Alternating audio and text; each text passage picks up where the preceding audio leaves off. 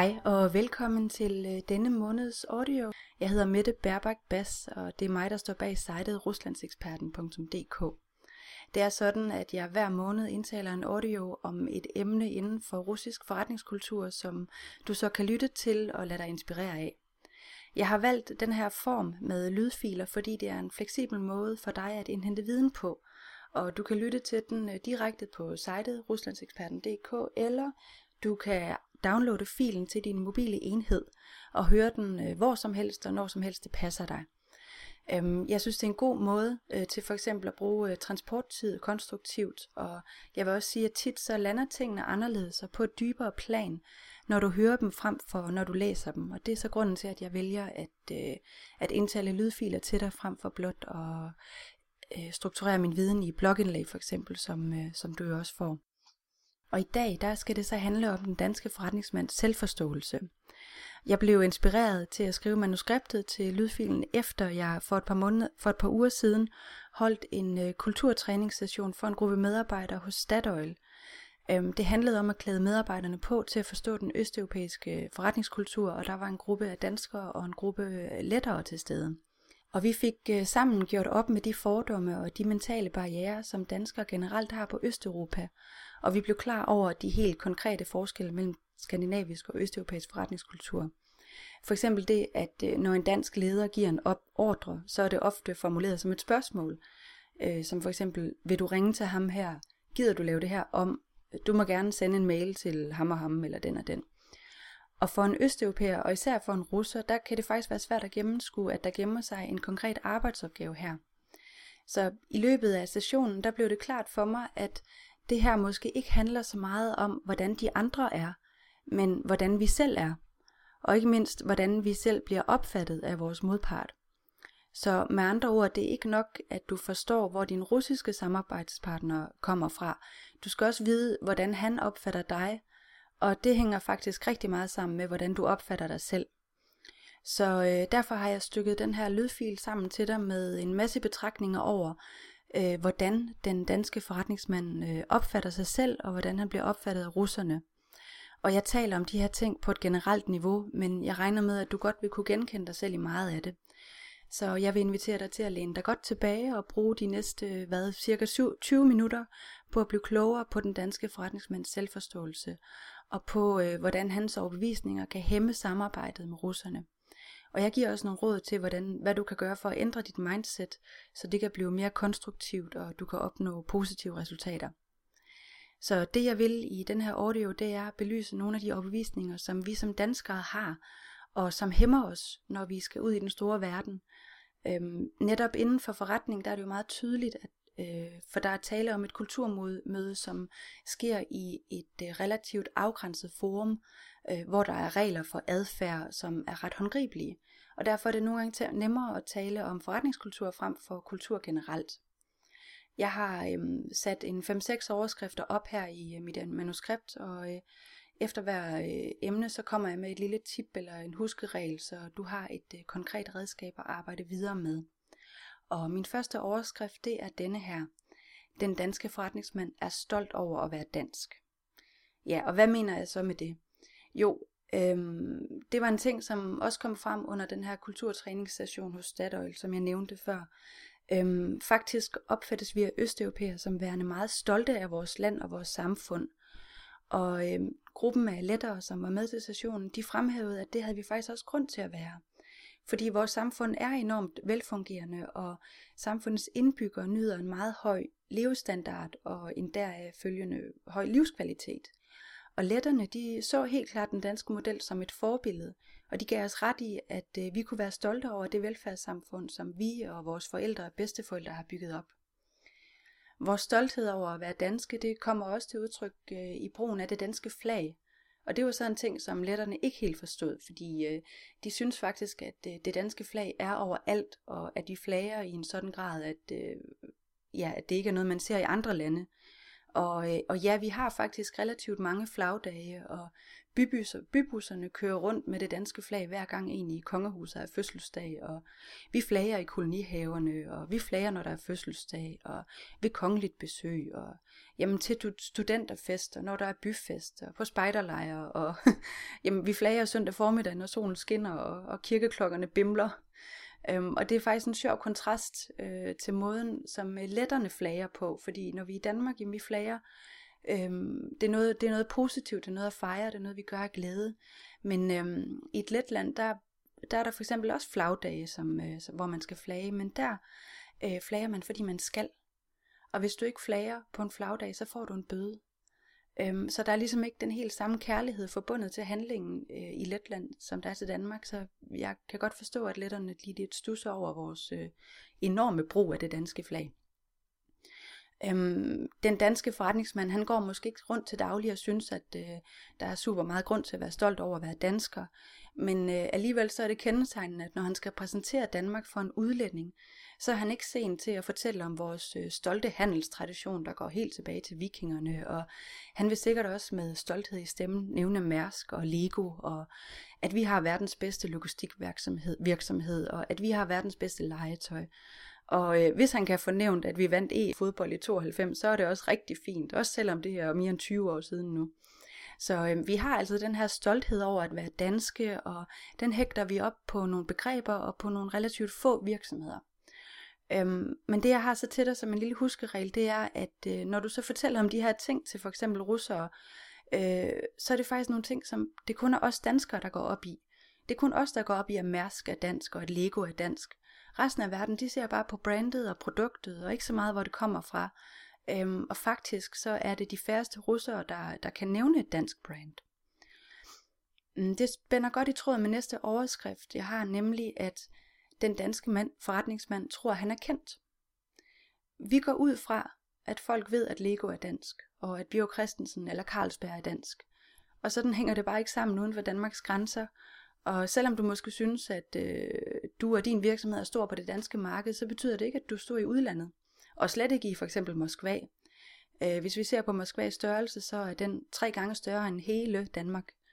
Så konkurrencen er naturligvis meget hårdere i Moskva, og øh, antallet af brands derovre, det er simpelthen mindblowing.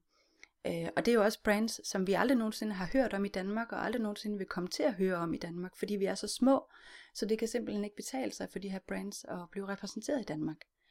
Øhm, så jeg vil, jeg vil våge at påstå, at vi ligger lidt under for den her lilleput-stat-mentalitet, Øhm, hvor øh, for eksempel Lego eller Echo eller B&O, det er kæmpestort i Danmark. Og så går vi ud fra, at øh, så må det også være kæmpestort i resten af verden. Og det er vigtigt at være opmærksom på, når du præsenterer dig og fortæller om dit land til russerne, at øh, du bliver nok nødt til at skrue lidt ned for din egen x-faktor, så at sige. Og det vil jeg øh, nu uddybe i min øh, tredje overskrift, som er denne her, at den danske forretningsmand har en lille putstat mentalitet. I sommer der øh, lavede jeg et øh, research interview med en øh, forretningsmand, som var tidligere leder af en multinational fødevarevirksomhed, og han har opereret i Rusland og i Østlandet i mange år. Øhm, vi snakkede så om, hvordan det kunne være, at Danmark halter så langt bag efter Sverige og Tyskland, når det kommer til eksport til Rusland. Hans bud, øh, det var, at øh, det simpelthen er fordi vores hovedstad er placeret på en ø. Og jo, den, den skulle jeg da lige lidt tyk på, men øh, jeg kan godt se, hvad han mener. Resonemanget det er, at øh, det er besværligt at komme til udlandet fra København. Hvis du skal uden for landets grænser, så er du nødt til at tage en beslutning over, om øh, hvordan du vil nå hen til dit mål. Skal jeg tage med fly? Skal jeg køre over broen? Skal jeg tage færgen? Og uanset hvad, jamen, så koster det penge, det koster tid, og det kræver planlægning. Så, øhm, men at ja, altså bor du for eksempel i Frankfurt, jamen, så kan du nemt bare tage bilen og køre til øh, Paris eller Prag. Og det er jo en stor forskel. Øhm, og det har altså en betydning, at øh, man skal planlægge og foretage en hel rejse, hvis man skal et andet sted hen, og man bor på Sjælland. Ja, og det samme gør sig for vidt også gældende øh, for folk på Fyn og Øerne og Jylland. Øh, det er det, der er med til at give os den her lille putstat mentalitet, og det skal vi være opmærksomme på. Vi kommer nemlig nemt til at vende blikket indad, fordi det er besværligt at forholde sig til udlandet. For eksempel er der en tendens til, at hvis du skal eksportere dit produkt til Rusland, så foretrækker mange danskere at bruge et dansk speditørselskab, selvom det måske koster dobbelt så meget. Øhm, og, og det vi skal, det er, at vi skal blive bedre til at komme ud over vores lands grænser og prøve nogle nye ting. Det er for eksempel i de allerfleste tilfælde en fordel at lade de lokale om opgaverne, øh, fordi de kender systemet, de kender arbejdsgangene, de har et rigtigt netværk. Øhm, vi, skal, vi skal simpelthen lære at afgive noget af vores kontrol og indføre noget mere fleksibilitet i den her sammenhæng. Og altså, så synes jeg jo også, at, at vi skal prøve at blive lidt bedre til at stole på, at russerne kan løse opgaven lige så godt, som en dansker kan. Og jeg vil nu gå videre til min fjerde overskrift, som, ja, som måske virker lidt provokerende for dig, øh, på dig. Den lyder sådan her, at øh, den danske forretningsmand opfattes som værende arrogant. Øhm, da jeg var lille, der fik vi altid at vide, at den danske folkeskole var den bedste, og at det danske sundhedssystem er det bedste i verden. Og vi hører den dag i dag, at Danmark er verdens førende velfærdsstat, og vi har verdens bedste teknologi inden for energieffektivitet for eksempel. Og jeg vil våge at påstå, at vi måske stadigvæk lever lidt i det der 60'er-syndrom, hvor vi er lullet ind i visen om, at vi har verdens bedste system. Mange af os tror stadig på, at, at for eksempel vores hospitaler er de bedste i verden. Og problemet er bare, at når vi hele tiden hører, øh, og hele tiden måske endda mener, at vi er det bedste, så glemmer vi at lytte til de andre. Og så går vi glip af muligheden for at lære.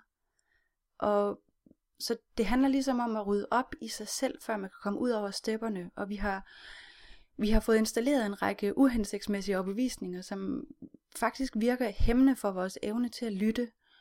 Og øhm, det kommer til udtryk i, især i kulturmødet øh, inden for forretning. Vi har øh, som danskere vanskeligt ved at erkende, at vi måske ikke er de bedste i verden, og at vi måske ikke har de bedste produkter i verden. Og det er enormt farligt, fordi øh, så går man og føler, at man er på et rigtig højt niveau. Øh, men selvfølgelig for de fleste, så ændrer det her billede sig heldigvis, når de kommer ud i verden, og så kan vi se, at Danmark og mange af de ting, som jeg nævnte før, de befinder sig faktisk på et øh, middelniveau. Men den her arrogance, eller den her følelse sig bedre end, den vil jeg mene, det er grunden til øh, den skepsis, som du faktisk skal møde hos en russer. han vil helt naturligt være på vagt, når du øh, med din adfærd tilkendegiver, at øh, du ved alting bedre, og at du sidder inde med det og det guldæg. Øhm, og det er et problem, hvis vi lægger hele vores selvforståelse i, at vi har verdens førende logistikvirksomhed, og vi har verdens bedste legetøj, så nu skal vi lære jer, hvordan man gør. Øh, og jeg vil sige, at, at tippet her, det er simpelthen at vise ydmyghed og respekt. Selvom russerne måske ikke er kommet så langt forretningsmæssigt, som vi er, så vil de jo ikke bryde sig om at få at vide, at du ved bedre. Derimod vil jeg så sige, at de er enormt interesserede i at lære, og du kan komme meget langt ved at sørge for, at den vidensoverførsel, som du er i stand til at facilitere, den sker på en respektfuld måde. Og det bringer mig videre til femte overskrift, nemlig at øhm, den danske forretningsmand, han vil gerne kontrollere processen. Der er en klar tendens til, at vi som danskere er utrygge ved russerne, og vi kommer nemt til at reagere på den her utryghed ved at få et ønske om at kontrollere, og det skal vi passe på med. Øhm, hvis du begynder at kontrollere tal og arbejdsgange og processer på en måde og i et omfang, som øh, der ikke er afstemt på forhånd, så vil det sjældent føre noget godt med sig. I bedste fald, så vil russeren opfatte det som øh, mistillid, og det vil besværliggøre jeres samarbejde. Og i værste fald, så vil han opfatte det som et forsøg på fjendtlig overtagelse, og så vil han begynde at sikre sig. Øhm, og danskerne, jamen, de øger deres kontrol, fordi de generelt er utrygge ved Rusland, men den russiske part, han øh, tror, at danskerne gør det, fordi de er utrygge ved ham som person, så der sker et clash. Øh, de her fordomme og en mistro, de spiller oftere ind i samarbejdet, end man umiddelbart forventer. Og mit tip til dig, det er simpelthen at øve dig i at vise tillid. Samtidig så skal du selvfølgelig passe på med ikke at være alt for naiv. Og øh, det er så emnet for næste og sidste overskrift, som lyder sådan her, at øh, den danske forretningsmand opfattes som naiv. Russerne ser danske forretningsmænd som naive. Sådan er det. Og det skal du have med i baghovedet, når du forhandler med dem. Danske forretningsmænd, de stoler i højere grad på hinanden, end det er tilfældet i udlandet, og meget mere, end, end, end man gør i Rusland. Og det gør, at øhm, ja, altså, vi bliver opfattet som naive, og det gør også, at russeren vil forsøge at presse lidt ekstra, også efter I måske har forhandlet færdigt. For danskerne, de, de, de er tit af den holdning, at øh, selvom alting ikke er på plads, så finder vi nok ud af det sidste hen ad vejen. Øh, og når russeren bliver mødt med, øh, med det, så kan de næsten ikke lade være med at prøve at presse lidt mere, fordi danskeren udstråler, at det kan lade sig gøre. Så mit tip til dig i den her sammenhæng, det er, at øh, du skal ikke bare sige, at det klarer vi nok. Du skal sætte dig ned og finde ud af, hvad det er, du vil, og hvordan I sammen kan klare de allermest praktiske problemer. For det er en anden kultur i Rusland, og det er en kultur, som i meget høj grad er hægtet op på, at tingene skal være meget firkantede, for ellers så sker der bare ikke noget. Så I er nødt til at bryde aftalerne ned til nogle meget konkrete mål, som alle kan forstå og alle kan følge op på.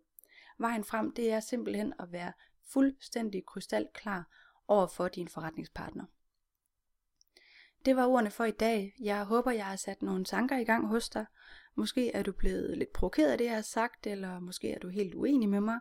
Uanset hvad, så vil jeg sige, at min mailbox og mit øh, kommentarfelt øh, er altid åbne for dine synspunkter og din feedback. Næste gang, der vil jeg snakke om kvinder og business i Rusland. For det er nemlig pudsigt, at jeg møder så få af dem. Øh, jeg er i disse måneder i gang med at lave øh, research til et phd projekt som skal handle om, øh, ja, om danske eksportvirksomheders vilkår i Rusland. Og jeg leder for tiden efter den helt rigtige virksomhed at arbejde sammen med øh, til den her erhvervs phd Og i den forbindelse så har jeg efterhånden gennemført op mod øh, 50 research interviews. Og meget forsvindende få at de medvirkende har været kvinder, og det har undret mig. Så i næste måned, der vil jeg dykke ned i øh, øh, forholdet mellem øh, det at være kvinde og øh, gøre forretning i Rusland. Og jeg vil også snakke om, hvordan russerne ser på det med kvinder og business, og jeg giver en række do's and don'ts til, øh, hvordan du øh, skal opføre dig, når du gør forretning på tværs af køn i Rusland. Og indtil da, så vil jeg ønske dig en rigtig god øh, september måned, og tak fordi du lyttede med.